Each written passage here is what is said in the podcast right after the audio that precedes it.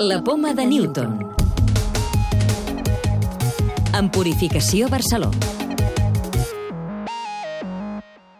Fa més de 100 anys que s'utilitza un determinat tipus de mosca de la fruita, la drosòfila, per avançar en el coneixement de diferents malalties humanes. En el programa d'avui us expliquem més coses sobre aquesta recerca tan peculiar.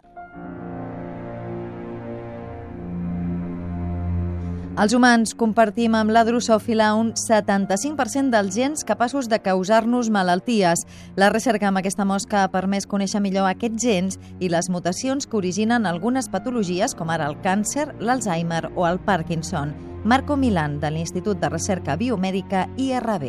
El 75% de los genes que dan lugar a enfermedades humanas están conservados en drosófila. Es decir, de esta forma, drosófila se puede usar para entender por qué aquellos genes cuando se mutan dan lugar a enfermedades humanas, tanto en el sistema inmune como en el sistema nervioso, como otro tipo de enfermedades como eh, cánceres.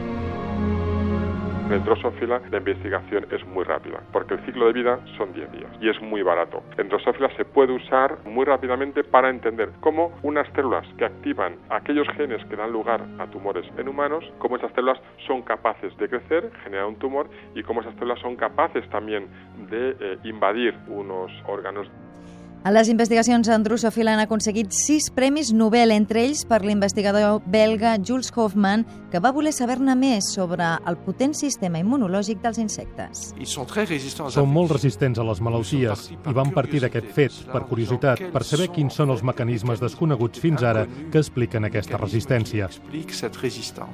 Però seria possible que també aquesta recerca servís per dissenyar fàrmacs més eficients? Cuanto mejor entendamos por qué la mutación de un gen determinado en una célula madre eh, de una mosca da lugar a un, tumor, seremos eh, más capaces de diseñar fármacos específicos que puedan reducir, atacar o, o, o destruir eh, un tumor.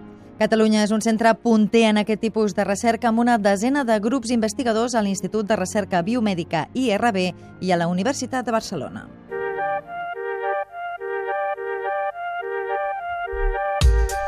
Avui també ens fem ressò del fet que el 55% dels transplantaments renals creuats de tot l'Estat s'han fet a Catalunya. A més a més, Catalunya ha participat en el 83% de les cadenes de relació entre donants i receptors. Els trasplantaments creuats són els que es fan entre receptors i donants que no es coneixen.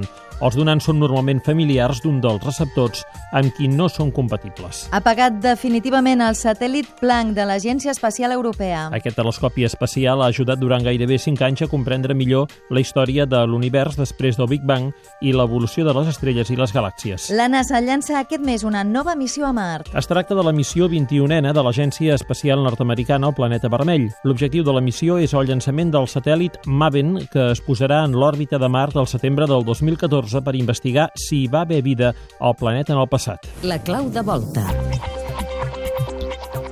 Què és un forat negre? Jordi Eloi, de l'àrea de Ciència i Medi Ambient de l'obra social La Caixa. Es tracta d'un cadàver estel·lar, el residu que queda després de l'explosió d'una estrella molt massiva quan explota com a supernova. Es tracta, per tant, d'un astre molt dens Llavors, aquests objectes tenen una força de gravetat immensa, tan gran que d'ells no pot sortir ni la llum, per això li diem negre. I el de forat ve perquè, lògicament, un objecte amb un camp de gravetat tan intens atrau qualsevol cosa que se li apropi lo suficient.